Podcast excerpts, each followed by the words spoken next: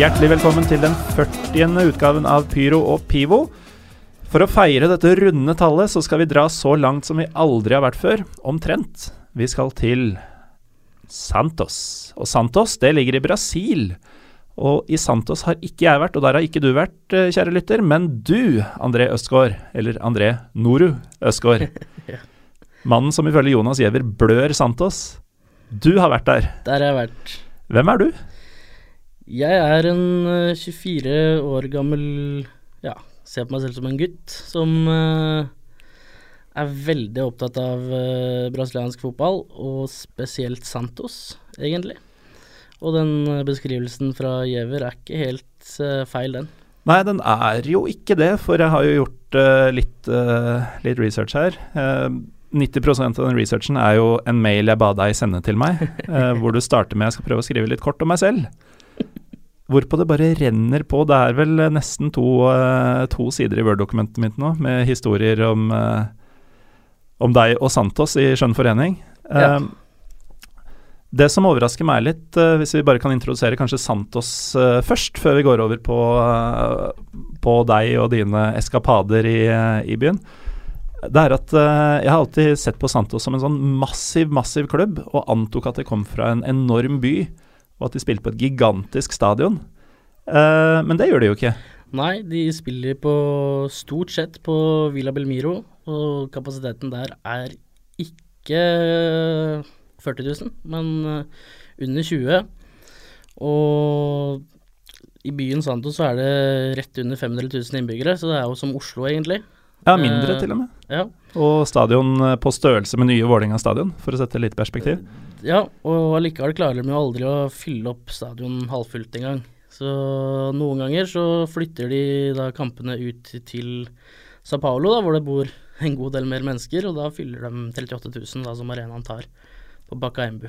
Så det er større i Sao Paulo nesten enn i egen by? Ja, i Sao Paulo så går ikke folk på kamp, og det er eh, store protester stadig vekk fra fans som mener at eh, folk må slutte å være sofafans og komme på stadion og ikke bare sutre når det går dårlig på sosiale medier, men faktisk gå på kamp og støtte. Gå to, gå to gater bort. Og så når jeg bodde der nede, så var det mange som sa ok, Noru, da, han reiser fra Norge for å, for å dra på kamp, mens dere drar ikke to gater bort for å støtte engang, så Men hvordan har det seg? Altså, de, de største Vi skal komme litt tilbake til men de største rivaleriene er jo med Sao Paulo-klubber. Eh, hvordan kan eh, holdt på å si Santos-fans fra Santos eh, se seg i speilet eh, og, og se på seg selv som skikkelige rivaler til disse klubbene, når de har flere fans i Sao Paulo enn ja. hjemme? Eh, det som er at Santos Mesteparten av Santos-fans, som motstanderfans sier, er eh, besteforeldre og sånne ting, da. Fra Pelé Mm. var den største. Eh, og hvis du ser på hvor de fleste Santos-fans bor, så er det rundt i hele Brasil. Eh, og ikke kun i Santos. Eh, så ofte når de drar på bortekamper, så er det ofte flere fans på bortekamp enn på hjemmekamp, nesten. Eh, og jeg var selv med på det i Paraná, hvor det var, hadde halve stadion med Santos-fans, og nesten ingen hjemmefans fra de som var motstander, da. Men, men når jeg var der nede, så sier de jo det jeg, jeg husker jeg skrev et langt innlegg på Facebook hvor jeg rett og slett var ganske forbanna på flesteparten av fansen da, som ikke går på kamp. Eh, og så sier de ja, men det er så dyrt, og det er så ditt og datt. Men det er ikke det. Altså, mesteparten av folk i Brasil har sånne kort som gjør at de får halv pris da, på billetter og sånne ting. Eh, Studenter og, og litt sånt noe. Og da koster det 20 realer stort sett for en, for en billett. En femtilapp for å gå på kamp, Mm. og, og det har de. For i, i Santo så er det Ja, de fleste som bor der, har penger, da. Eh, og så det, det går ikke på det heller. Jeg vet ikke hva det er. Og så plutselig skylder de på Ja, men det regner, og det Ikke sant? Men så har du jo på motsatt side de som går på kamp uansett. Da det er en 4000-5000 på kamp hver gang i dårlige tider, og så 10 000 hvis det går bra. Og, og de er jo skikkelig fans da, til gjengjeld. Mm. Så Men er dette eh, Nå hadde de jo Neymar for ikke så veldig mange år siden. Eh, var det sånn at eh, Merker man at det er en gyllen årgang på tilskuertallene i noe særlig Ja. grad? Eller? absolutt. Eh, når Neymar var her, så var det jo kall det en god tid for klubben. da. Ja. uh, og da blir det jo litt sånn uh, Kall det medgangssupportere. De kommer fram fra under steinene sine. Ja, da, da vil de være med, for da er det gøy, og så er de litt stille når det ikke går så bra. Men en annen utfordring som er, da, er at Santos er jo en øy i så måte, som ligger på kysten i Brasil. Og det er kun én vei inn fra Sao Paulo, og det tar ca. to timer. Ja. Halvannen time, to timer. Og det er mange som klager på det at hvis de skal komme fra Sao for å se på kamp, så er det da fire timer totalt tur-retur. Og hvis det er seint søndag kveld, så skal ha med seg barn, og det blir liksom ja, ikke så logistisk, logistisk ja. Det er- ikke så, så lønnsomt da for dem Nei. å, å reise. Og, og de klager på det, og så er det ofte tåke over fjellet der, og de må ha litt sånn kolonnekjøring og ja, kaos. Og Men det er bare en fem mil eller noe sånt, er det ikke det, mellom de to byene? Det kommer litt an på hvor du skal, da. Uh, når jeg tar bussen til Sao Paulo, da tar det rett over en time. Mm. Så, og da kommer du til en bussplass. Og tar du T-banen inn til selve byen, da.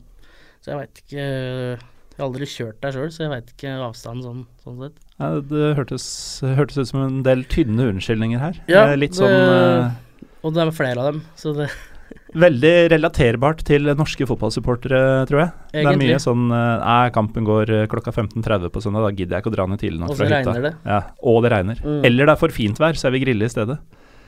Uh, men uh, du har jo nevnt nå Du har klart å snike inn allerede et par ganger at du bodde i uh, Santos. Vi kan jo ta det fra starten. da. Eh, du besøkte vel Brasil et par ganger allerede som barn? Ja, jeg tror jeg var åtte år jeg første gang. Eh, besøkte onkelen min, som bodde i Itu, eh, litt utafor Sao Paulo. Eh, besøkte han en gang til siden, og en gang var der nede, det har jeg sett nå i ettertid, da. Det var litt tilfeldig, men jeg hadde kjøpt en eller annen sånn maskot med noe Santos-logo på, da. Eh, og så etter at jeg liksom, kall det kom ut som, som Santos-fan, så fikk jeg jo vite at onkelen min nå var Santos-fan. Ikke noe sånn stort, men det var liksom laget hans i Brasil, da. Altså han du hadde vært og besøkt et par ganger? Ja. Ja. Så det var jo litt gøy, da. Hmm. Uh, men så, så jeg kan ikke si at det er pga. han jeg ble fan, men da hadde jeg liksom det fra jeg var liten av. Men i 2011 så satt jeg og kikka på noen sånn dårlig treige streams på nettet. Uh, og sånn spilte det Copa Libertadores. Eh, og helt fra gru gruppefasen der, da, så syns jeg fotballen spilte med Neymar og, og Ganso og sånt noe, var liksom så elegant og fin, offensiv fotball. Eleganso fotball? ja, der har du det. Uh, og jeg bare Dette liker jeg. Så jeg fulgte alle kampene deres i den turneringa, og så endte jeg opp med å vinne. Og da var det liksom ok, det er jo bra. Da var jeg liksom solgt. Det var litt sånn eh, med meg eh, Jeg holder jo med Fenerbahçe i Tyrkia. Mm. Og eh, da jeg begynte å interessere meg, så var det jo litt streaming og sånn, og det var den sesongen hvor de kom til kvartfinalen i Champions League.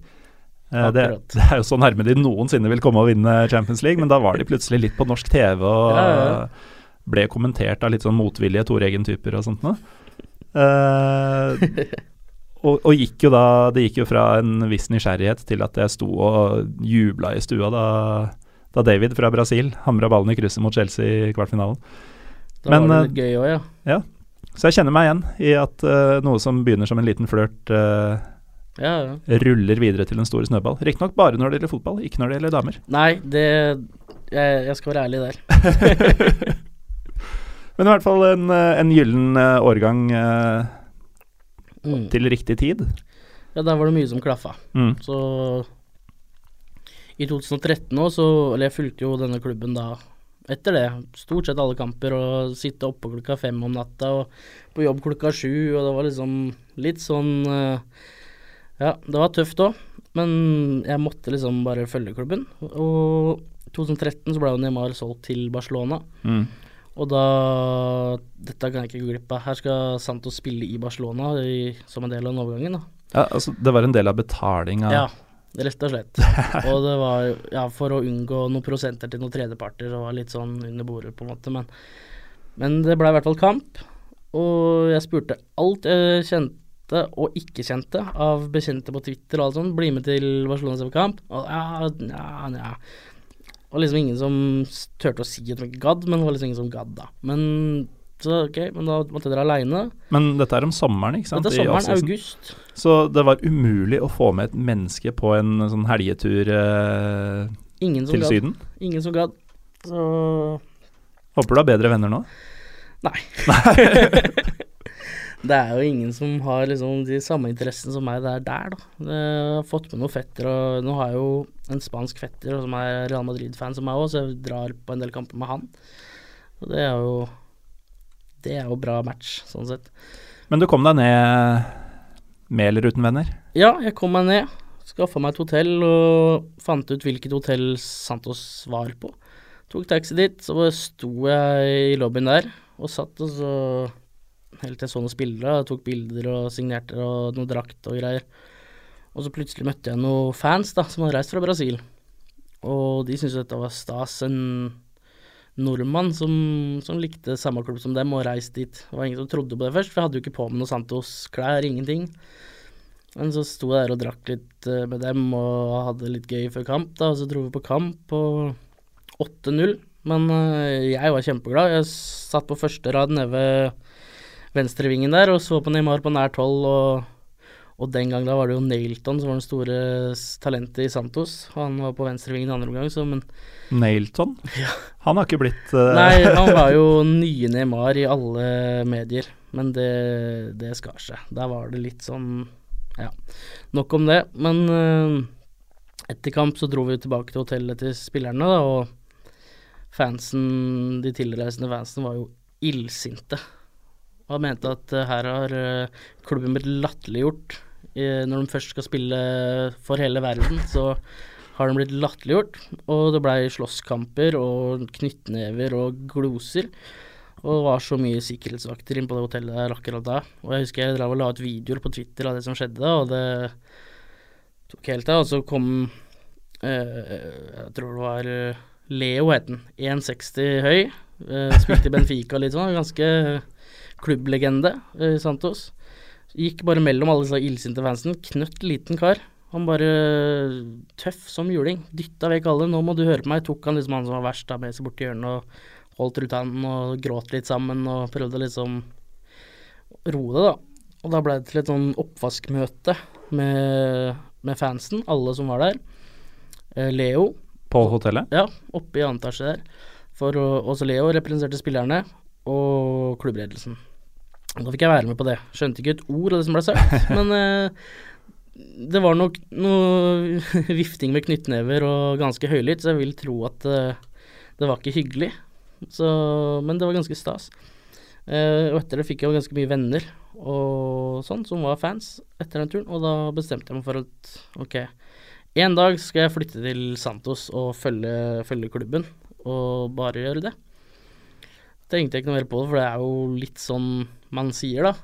Uh, men i 2014 så reiste jeg til Spania.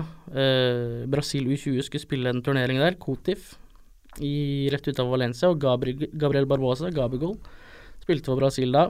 Og da reiste han dit kun egentlig for å, for å se han spille.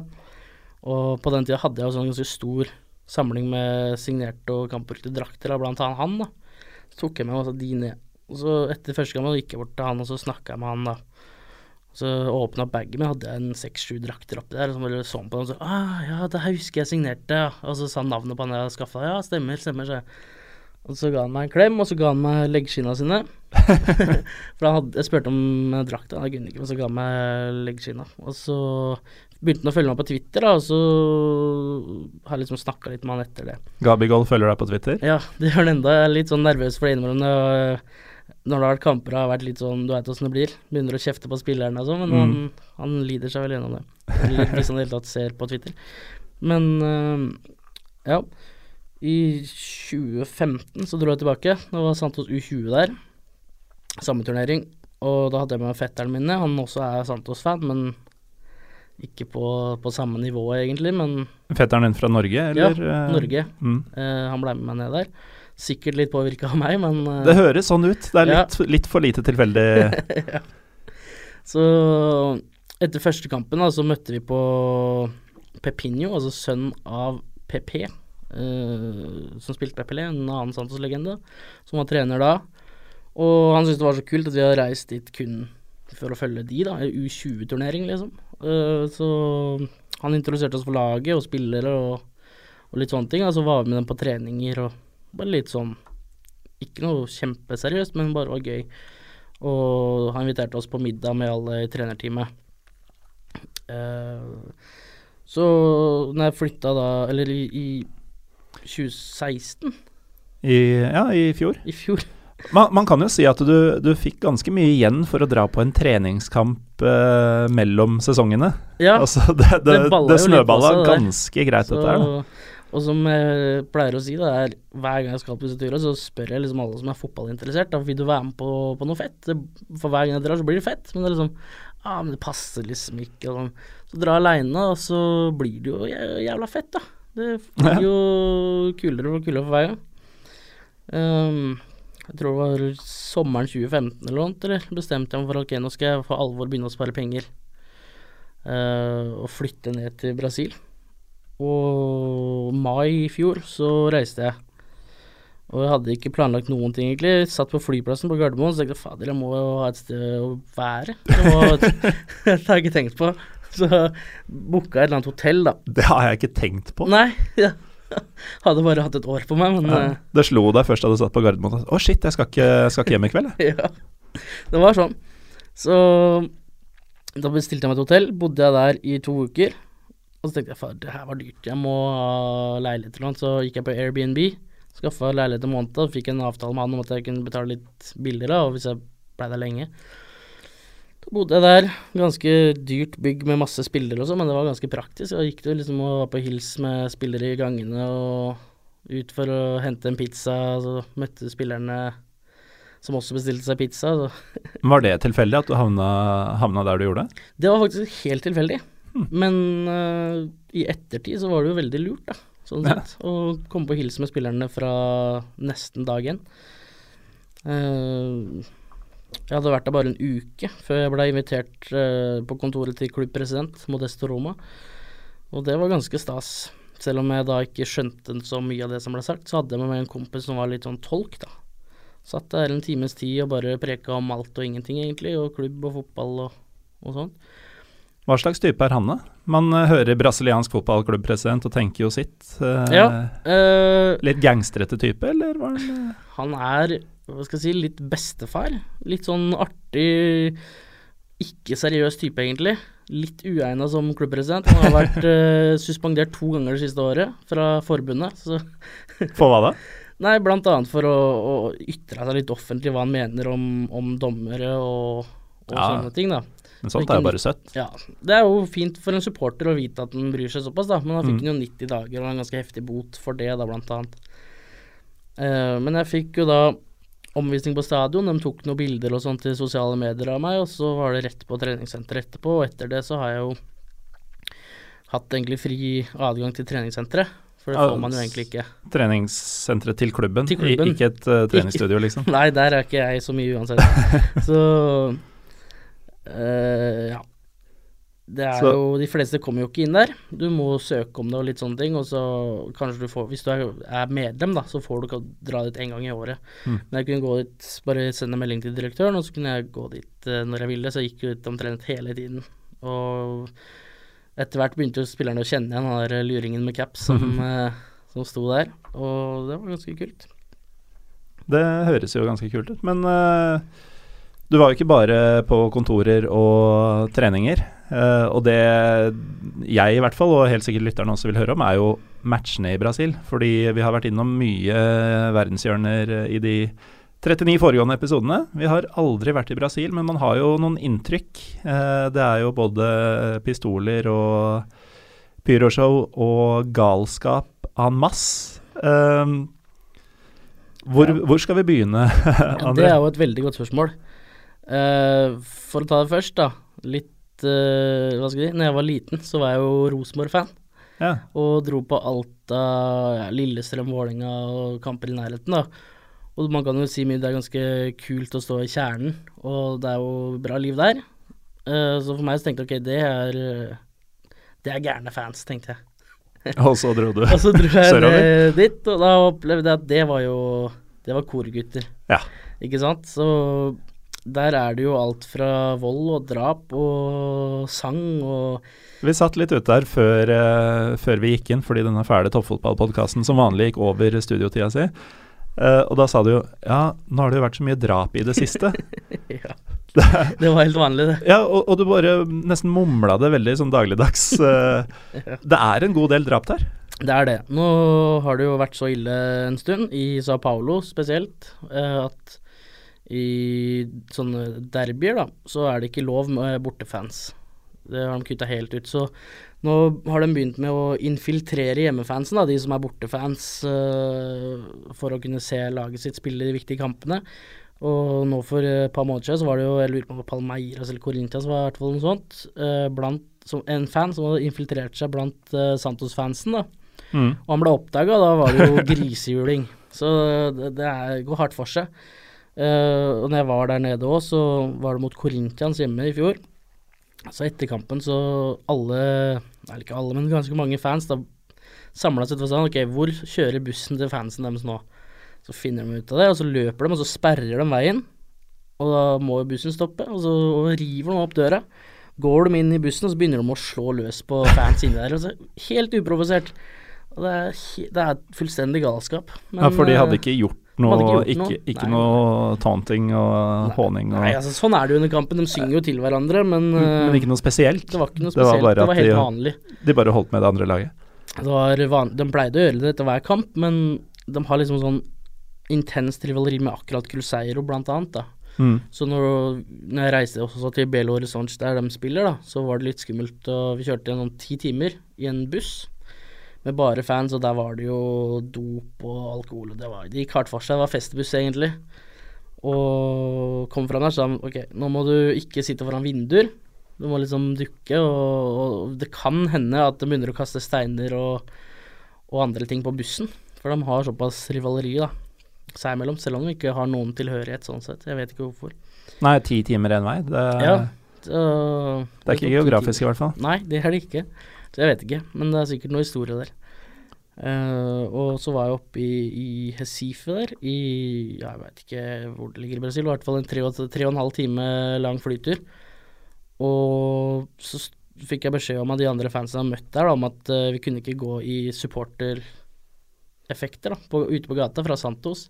For da hadde vi blitt banka opp, så måtte ha drakter og sånn nede i buksene. Og så kom vi oss til slutt inn på stadion, og så gikk det forbi en funksjonær og som liksom jubla litt, da, fra hjemmelaget. Og han ene karen vi sto med, han sto tre-fire nivåer opp og bare tok flykick rett i ansiktet på han funksjonæren. Flykick? Rett og slett. Gode, gode gamle. Så det, og da blei det gans, ganske ampert. Og noen av andre sanser mente ikke dette var greit, så de begynte jo å slå seg imellom. Ja, Ikke sant? Som man gjør. som man jo gjør. ja. Så da sto jeg der. Det var andre kampen jeg var på, ikke sant. Så da ble det lista lagt, egentlig. Altså, det var i Recife? Ja. Så andre kampen du var på, det var en tre og en halv times flytur? Jeg tror det. Jeg tror ikke det er veldig gærent, i hvert fall. Så Åssen gikk kampen, da? vant 2-0. 2-1, 2-0. Et eller annet. Og da var Og da kom eller? jeg på TV og blant annet. Ja. Med dette banneret mitt. Da Knapstad Noruega står på det. Sto og holdt opp ved siden av en sånn svær 2,20 sikkert høy eh, bamse, som er kjempebrei også. Og han hadde sånn banner som sto 'Spill like bra som vi drikker'. Så det, så sto ved siden av han, så det bildet gikk jo viralt i Brasil. Ja. Så, og allerede da blei jo liksom jeg overalt da i Brasil fra starten av. Ja, for det her er uh, Dette er litt interessant. Grunnen til at du havna på blokka mi, var jo at ehm, jeg og Jonas Giæver hadde en liten sånn uh, uoversiktlig samtale på Messenger. Og så dukka du opp, og så begynte han å fortelle litt om deg, da. Oh, ja. uh, og jeg hadde aldri møtt deg. Jeg visste ingenting om deg, men hver, ting, hver gang han sa noe, så var det sånn her Jo, men sånn er, sånn er jeg det i Istanbul også. Ja, men sånn er jeg det med Fenerbahçe. Og så kom det det ene og det andre og det tredje og det fjerde som jeg ikke hadde sjans til Å, ja. å følge med på. Uh, jeg også har vært på, på TV der, og jeg også har en uh, sang blant supporterne. ja. Men eh, jeg, jeg- kan ikke dra til andre enden av landet og bli gjenkjent. Og jeg har heller ikke fått noen videohilsen fra f.eks. Uh, Dennis Barers. Nei, Har du fått noen videohilsener fra kjente ja. Santos-folk? jeg nevner bl.a. blant annet Pelé, kan vi jo si. Vi kan Som- nevne annet Pelé. Litt sånn ydmykt. Ja, For eh, på Instagrammen din, som er det André Ostgaard Riktig. ja, der ligger det rett og slett uh, en Pelé-video hvor Vi snakker da ikke om noen sånn herre ny portugisisk 23 år gammel Pelé som spiller for Rio Ave eller noe sånt. Nå. Vi snakker gode, gamle Edson, Selveste. Gode, gamle Edson. Eh, som i praksis uh, inviterer deg hjem. ja, rett og slett. Uh, han gir meg en videohilsen. Eh, André fra Norge, sier han blant annet, og ender vel videoen med neste gang, så, så får gi deg en klem personlig istedenfor. Og det bakgrunnen der er uh, når jeg i fjor, nei i år, det var i år det, ja, tida blir, Uh, dro til Spania på denne U20-turneringen igjen, og møtte spillerne fra dag én. Og treneren der, Arau, han er gudesønn til Pelé, for han er sønn av Manuel Maria, som spilte med Pelé i alle år, og er kjent for å være bestevenn til Pelé, da. Så Mm. han har vokst opp med Pelé som onkel. Og når jeg kommer der, så ja, henger jeg jo med de hver dag. De tar med på alle måltider, sightseeing, bønnemøter, lagmøter, inn i garderoben, alt sånt. Og så er jeg blitt eh, deres personlige fotograf, blant annet. Så alle spillere etter trening kommer til meg. Ja, nå må du sende meg bilder fra treninga, jeg skal legge ut på Instagram og For det er de veldig opptatt av, disse gutta, da. Ja, Vise at de trener. Ja, det må de gjøre. Må ha likesa sine. Så sier han til meg en dag, da han Arao, han sier Ja, nå har Pelé gitt meg en videohilsen øh, og ønska oss lykke til i den turneringa her. Så det er kult. Det er ikke mange som har. Så nei, det er nesten onkelen min, sånn, så det er jo helt vanlig, det. Ja. Så, så ja, skulle ønske jeg hadde det liksom sånn Ja, det er ikke noe problem, jeg skal skaffe deg det en dag. Så, så tenkte jeg ok, det er sånn man sier i situasjonen. Så gikk det måned etter jeg kom hjem, kanskje, så plutselig en torsdag sendt, fikk jeg en melding av han på WhatsApp. Da så jeg så video, så tenkte jeg ja. Fordi den pleier å sende meg sånne der bønnebilder hver morgen. sånn eh, 'Jesus er glad i deg', og en eller annen bønntekst. Mye Jesus. Ja, veldig mye salmer og sånn får jeg fra en del spillere og han treneren blant annet. Altså jeg tenkte ikke, jeg sikkert var en sånn religion Ganske Greier. dagligdags problem for folk fra Knapstad. At det bare renner inn eh, bønnevideoer og salmer Ja, fra brasilianske fotballspillere i Brasil. Er det ikke flere? Jeg trodde det var vanlig for alle. Ja, er det ikke det? Jo. Nei, så jeg tenkte ikke noe på det. Så etter en halvtime tenkte jeg jeg får se på det her, da. Og så plutselig så var Pelé, så tenkte jeg ja, hva er dette her? Så så jeg på det, så begynte han å si, snakke til meg. Så sitter jeg egentlig nå i dag og veit fortsatt ikke hvordan jeg skal reagere på det. fordi det er jo utrolig stort, da, har jeg skjønt. Ja, du har skjønt det? ja. Så ja, veldig heldig der. Det er jeg veldig stolt over. Men tilbake til, eh, til dine opplevelser i, eh, i Brasil, og ikke bare på sosiale medier. Eh, hvor store er disse derbyene? Altså, så vidt jeg har skjønt, så er Corinthians-kampen den største? Ja. Det er erkerivalen, om vi kan si det sånn. Classico Alvinegro? Ja, det stemmer. Svart-hvit uh, betyr det. Og det går ganske hett for seg på kamp. Nå, nå har jo ikke jeg følt noe særlig på det, for nå der, så var det jo forbudt med hjem, nei, bortefans. Mm. Men eh, du kan si det går jo ganske hett for seg mellom venner. Jeg noterte jo det. eh, venner av de fansene jeg har. Ja. Nei, de vennene jeg har, som er fans, da. Uh, det er jo ganske dårlig stemning dem imellom når det er Santos og Corinthians-fans uh, når det nærmer seg kamp. Og spesielt i sosiale medier så er det jo veldig mye sånn erting før, og spesielt etter kamp, og krangling og, og vitser og litt sånn dårlige argumenter som egentlig ikke betyr noe. Sammenligning av gamle trofeer og ja. Men, men eh, det er jo en grunn da til at bortefansene har blitt banna. Uh, Santos-fans har blitt drept, Corinthians-fans har blitt drept, Palmeiras, og Paulo. Eh, jeg husker i fjor var det en Palmeiras-fan som ble drept etter kamp mot Santos, blant annet. Og det var det som fikk det til å renne over for fotballforbundet i, i Sao Paulo, da. Og den dag i dag er det fortsatt ikke lov å være bortesupporter når det er disse derbyene. For det er rett og slett så mye følelser involvert at folk er villige til å drepe hvis du, du blir sett på gata med feil eh, klubblogo. Men hva, hva handler dette rivaleriet om? Er det bare fotball, eller er det Så vidt jeg har fått innblikk i, så er det jo om å være, hva skal jeg si, anerkjent som den største og beste klubben. Det er veldig mye sånn fokus på meritter. Mm. Og dere tapte 2-1 forrige helg mot den og den, mens vi slo dem 1-0. Og veldig mye krangling sånn sett. Det høres ganske Eh, barnslig ut. Ja, det er veldig barnslig, egentlig. Og, men, men for all del, jeg tar del i det der, jeg. Sånn uh, på Ja. sosiale medier. Men Absolutt, det eh, må man jo. jeg tar det jo ikke til gatene, om jeg kan si det sånn. men jeg vet ikke, det er jo for, Det jeg kjente, eller merka mest, da, var jo Her hjemme så liker jeg å si vi er fan på kampdagen. Mens i Brasil så er de jo først og fremst fans, og så er de familiefar og, og alt annet etterpå. Det er liksom fotballen som kommer først, for det er det som betyr mest i livet deres. Det, liksom, det ligger i at de har vært fans fra de har vært små, mens dama har de bare hatt i kanskje fem år. Ja, Så det er jo litt det som er rekkefølgen, antageligvis, da. litt som i Brasil, nei, i Argentina, at man, man er Boca Ja. Juniors, eller Man eh, er klubben, det er riktig det. Eller som eh, Rasmus Wold, som er eh, programleder for en Liverpool-podkast, en gang sa. Han er uh, podkastprogramleder Først og fremst podkastprogramleder. Først og fremst fra en podkast, var det han sa. Altså. Dernest fra en mor. Ja, ja ikke sant? Ja, det, det er litt sånn forklart. søramerikanske fotballfans har det også. Ja, det er akkurat sånn. Tilhører først og fremst klubben, og så Mm. får eh, arbeid og familie og sånn, det Det er parenteser. Mm. Men uh, var du noen gang Altså, med alle drapene og at du ikke kan sitte oppreist i bussen når dere kjører inn i, inn i fremmede byer og sånt noe. Syns du det var skummelt? Altså, var du Hva er det reddeste du har vært på match i Brasil? Ja, det er et godt spørsmål. Jeg har egentlig aldri tenkt noe på det. Da har det ikke vært noen særlig faktor, da, mener du? Nei, det er jo det, man går jo sammen en stor gjeng, da, så tenker du ok, hvis det blir noe slåssing nå, så hvor sannsynlig er det at jeg blir truffet, har jeg jo tenkt, ikke sant. For Mm.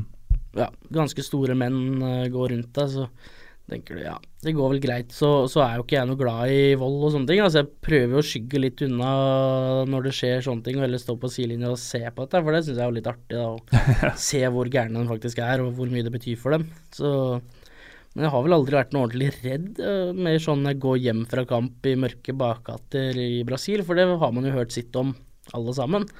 Og mye kriminalitet og sånne ting. Men jeg var heldig, jeg har aldri opplevd noe kriminalitet i Brasil. Selv om jeg var ganske overbevist på at jeg kom til å bli rana på et eller annet tidspunkt. Ja, for det virker som uh, folk tenker er en del av pakka. Sånn, Ja, eh, hvis, det. hvis man skal til Sør-Amerika, så må man forvente et par ran. Det er på en Ja. måte en del av opplevelsen. Jeg tok med meg en Excel-telefon, for jeg var liksom sikker på at det kom til å måtte byttes. Så, men første to ukene så turte jeg ikke gå ut på kveldstid aleine, for jeg hadde hørt mitt og når jeg var oppe i, i, i Recife der, så sa de det for jeg skulle gå og ta noe penger, sånn nei, det må du ikke gjøre nå, Mm. de som bodde der, for da blir du drept, sa han. Så jeg, hæ, du tuller nå? Nei, du må ikke gjøre det, du blir drept. Så ok, da gjorde jeg ikke det. Og etter det så turte jeg liksom ikke gå aleine på kvelden, men så det vokste jeg av meg sånn ganske fort, og så Mm. gikk jeg ut og bare hyggelige folk. Min erfaring er generelt, eh, nesten uansett hvor du drar, at de lokale eh, Kanskje for å beskytte de som reiser Ja. til, da. Ja, det var sånn jeg eh, tenkte òg. Krisemaksimerer voldsomt. Og så viser det seg at her lever man jo egentlig som man gjør alle andre steder. Det var akkurat sånn. Så Så det. Men det var ganske stas å være der nede, da. Det fikk egne fans, blant annet. Så Du fikk egne fans? egne fans og egen sang på stadion, eh, eller som de sang på stadion i kamp, og Ja. De var ganske stolte over at det var en utlending som hadde reist hit bare for å følge klubben, da, og ytrer jo det at jeg gjør mer for markedsføringsavdelingen til klubben enn klubben har gjort de siste ti åra. Så, så tenker jeg midt om det, og bare tar det til meg og, og, og takker for oppmerksomheten jeg får. Uh, ambisjonen er jo å jobbe for klubben en dag, så det hjelper jo på når de sier sånne ting. Du har jo på Twitter-profilen din eh, 'Future President of Santos FC'. Ja.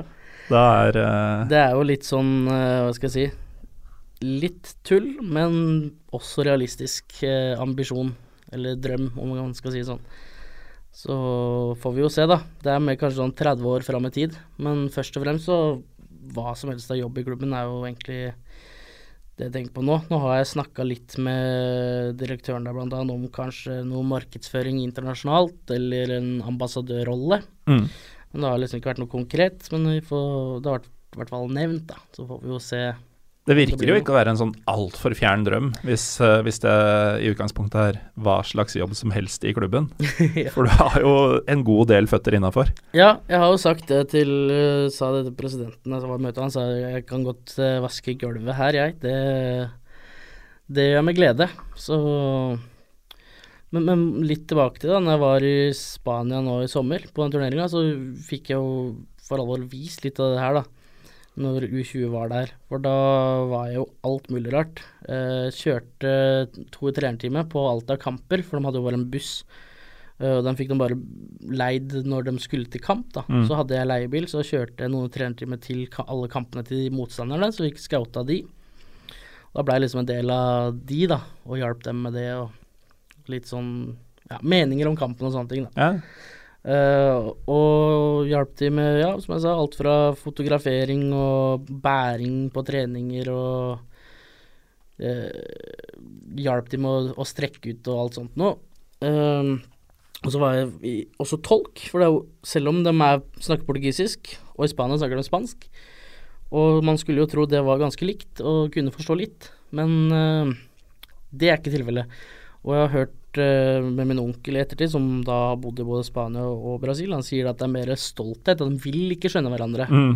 Men da blei jo jeg kalt inn av Juri Alberto, blant annet. Han har ganske stort talent, ønska Manchester United og sånne ting. Han kom til meg og sa sånn Jeg har ikke kjøleskap på rommet.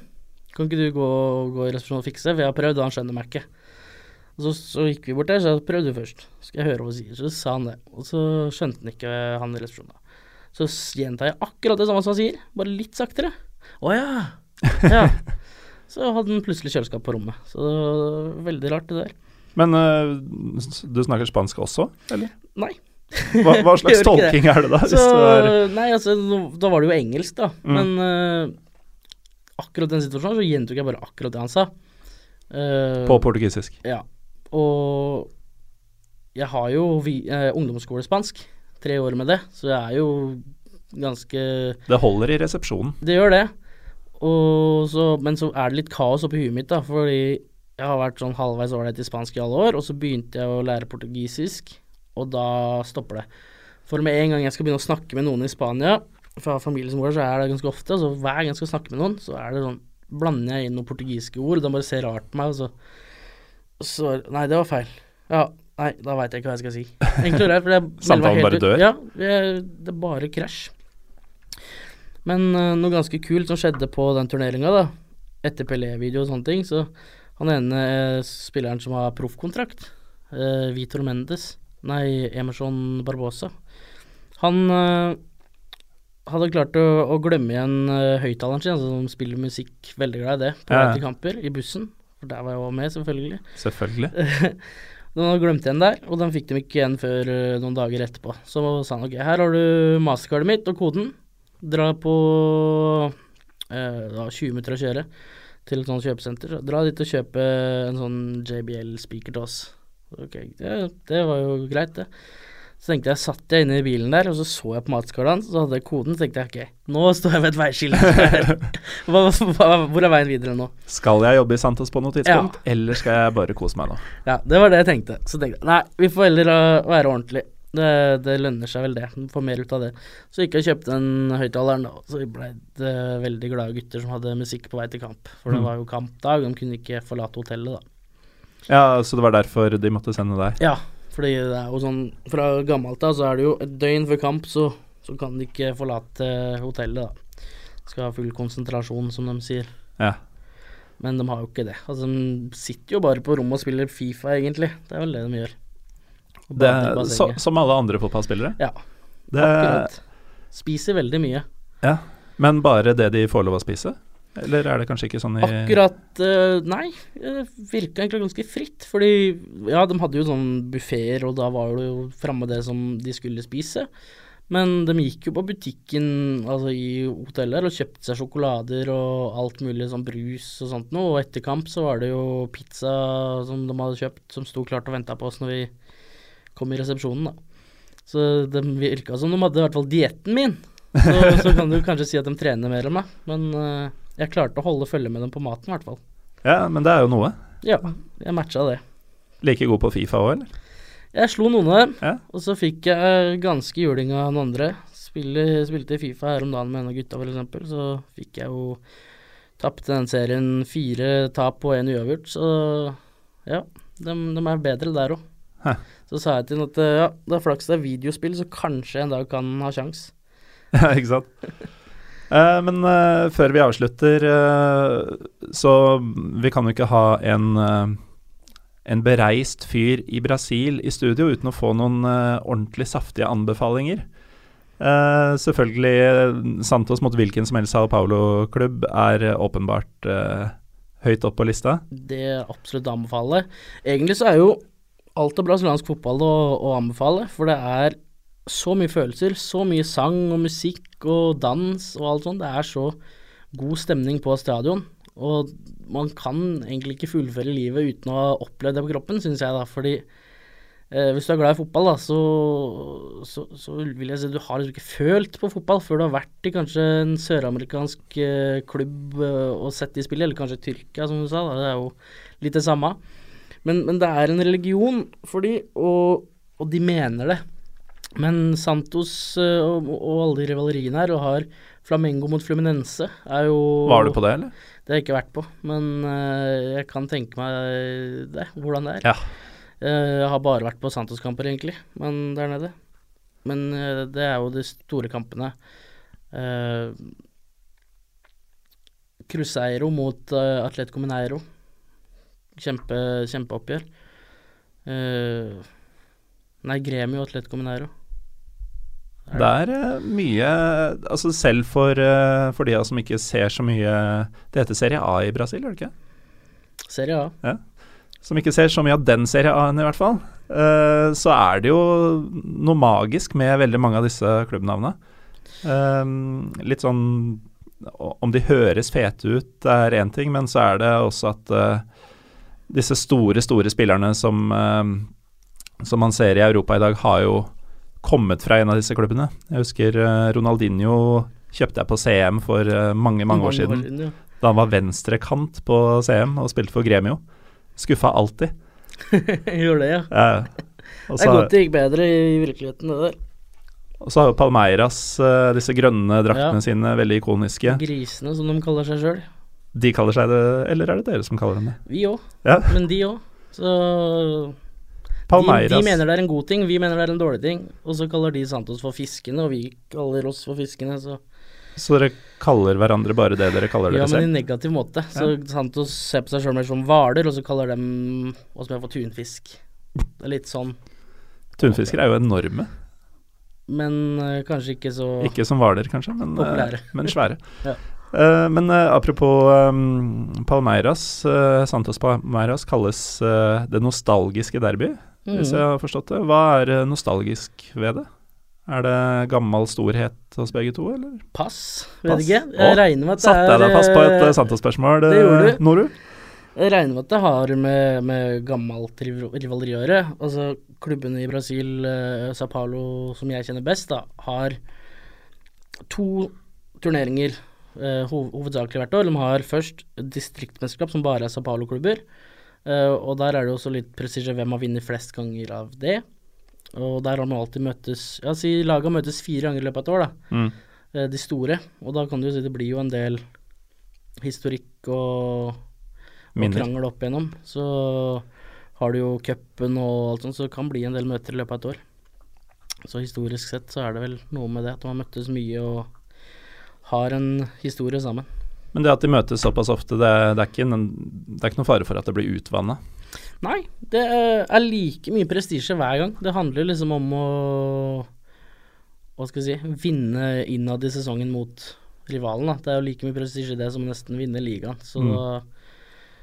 det er øh, hvis, hvis laget gjør en dårlig kamp mot uh, rivalen, så får treneren nesten hver gang sparken. For de bytter jo trenere to ganger i året, stort sett alle disse brasilianske klubbene. Så Det er noe med varmblodige fotballand. Ja. Uansett uh, hvilken breddegrad eller hva det heter uh, man ser på, så er det samme ulla, altså. Ja, det er jo Hvis, hvis uh, man blir latterliggjort, kall det, taper 2-1 mot rivalen, så er det jo full invadering av treningsanlegg og ødelegge alt man ser, fansen, da. Og presidenten er liksom tvunget til å, å, å sparke. Det skjedde en litt spesiell opplevelse nå forrige uke. Og treneren, Lever Kulpi, han har vært veldig dårlig over tid. Fikk sparken. To timer seinere så ble han ansatt igjen. Og en uke, eller åtte dager etterpå, så fikk han sparken. Så Dette er jo Palermo-tilstander. ja, det er jo helt galskap. Jeg er jo så uproft at uh, jeg vet ikke hvor jeg skal eh, begynne å reagere. Hvor utbredt er det å sette fyr på egne stadioner i Brasil? Det skjer ofte i Tyrkia, nemlig. Ja, nei, det har jeg vel ikke hørt om. Det. Nei. Så det Så det- de har fortsatt litt å gå på. Jeg har litt å gå på. Det, de er veldig gode på, på vold og mord, tydeligvis. Men ikke Ja. på å sette fyr på stadioner. Nei, men det er hver sin styrke, osv. videre Eh, jeg tror eh, vi må runde av, men eh, takk for at du kom, eh, André Østgaard. Mannen som blør Santos. Takk for at vi kom med. For all del. Det var, eh, det var jo en times kjøretur, sa du, fra, fra Knapstad. Fra gode, gamle Knapstad, ja. Mm, her sitter vi et kvarter forsinka pga. den toppfotballgjengen.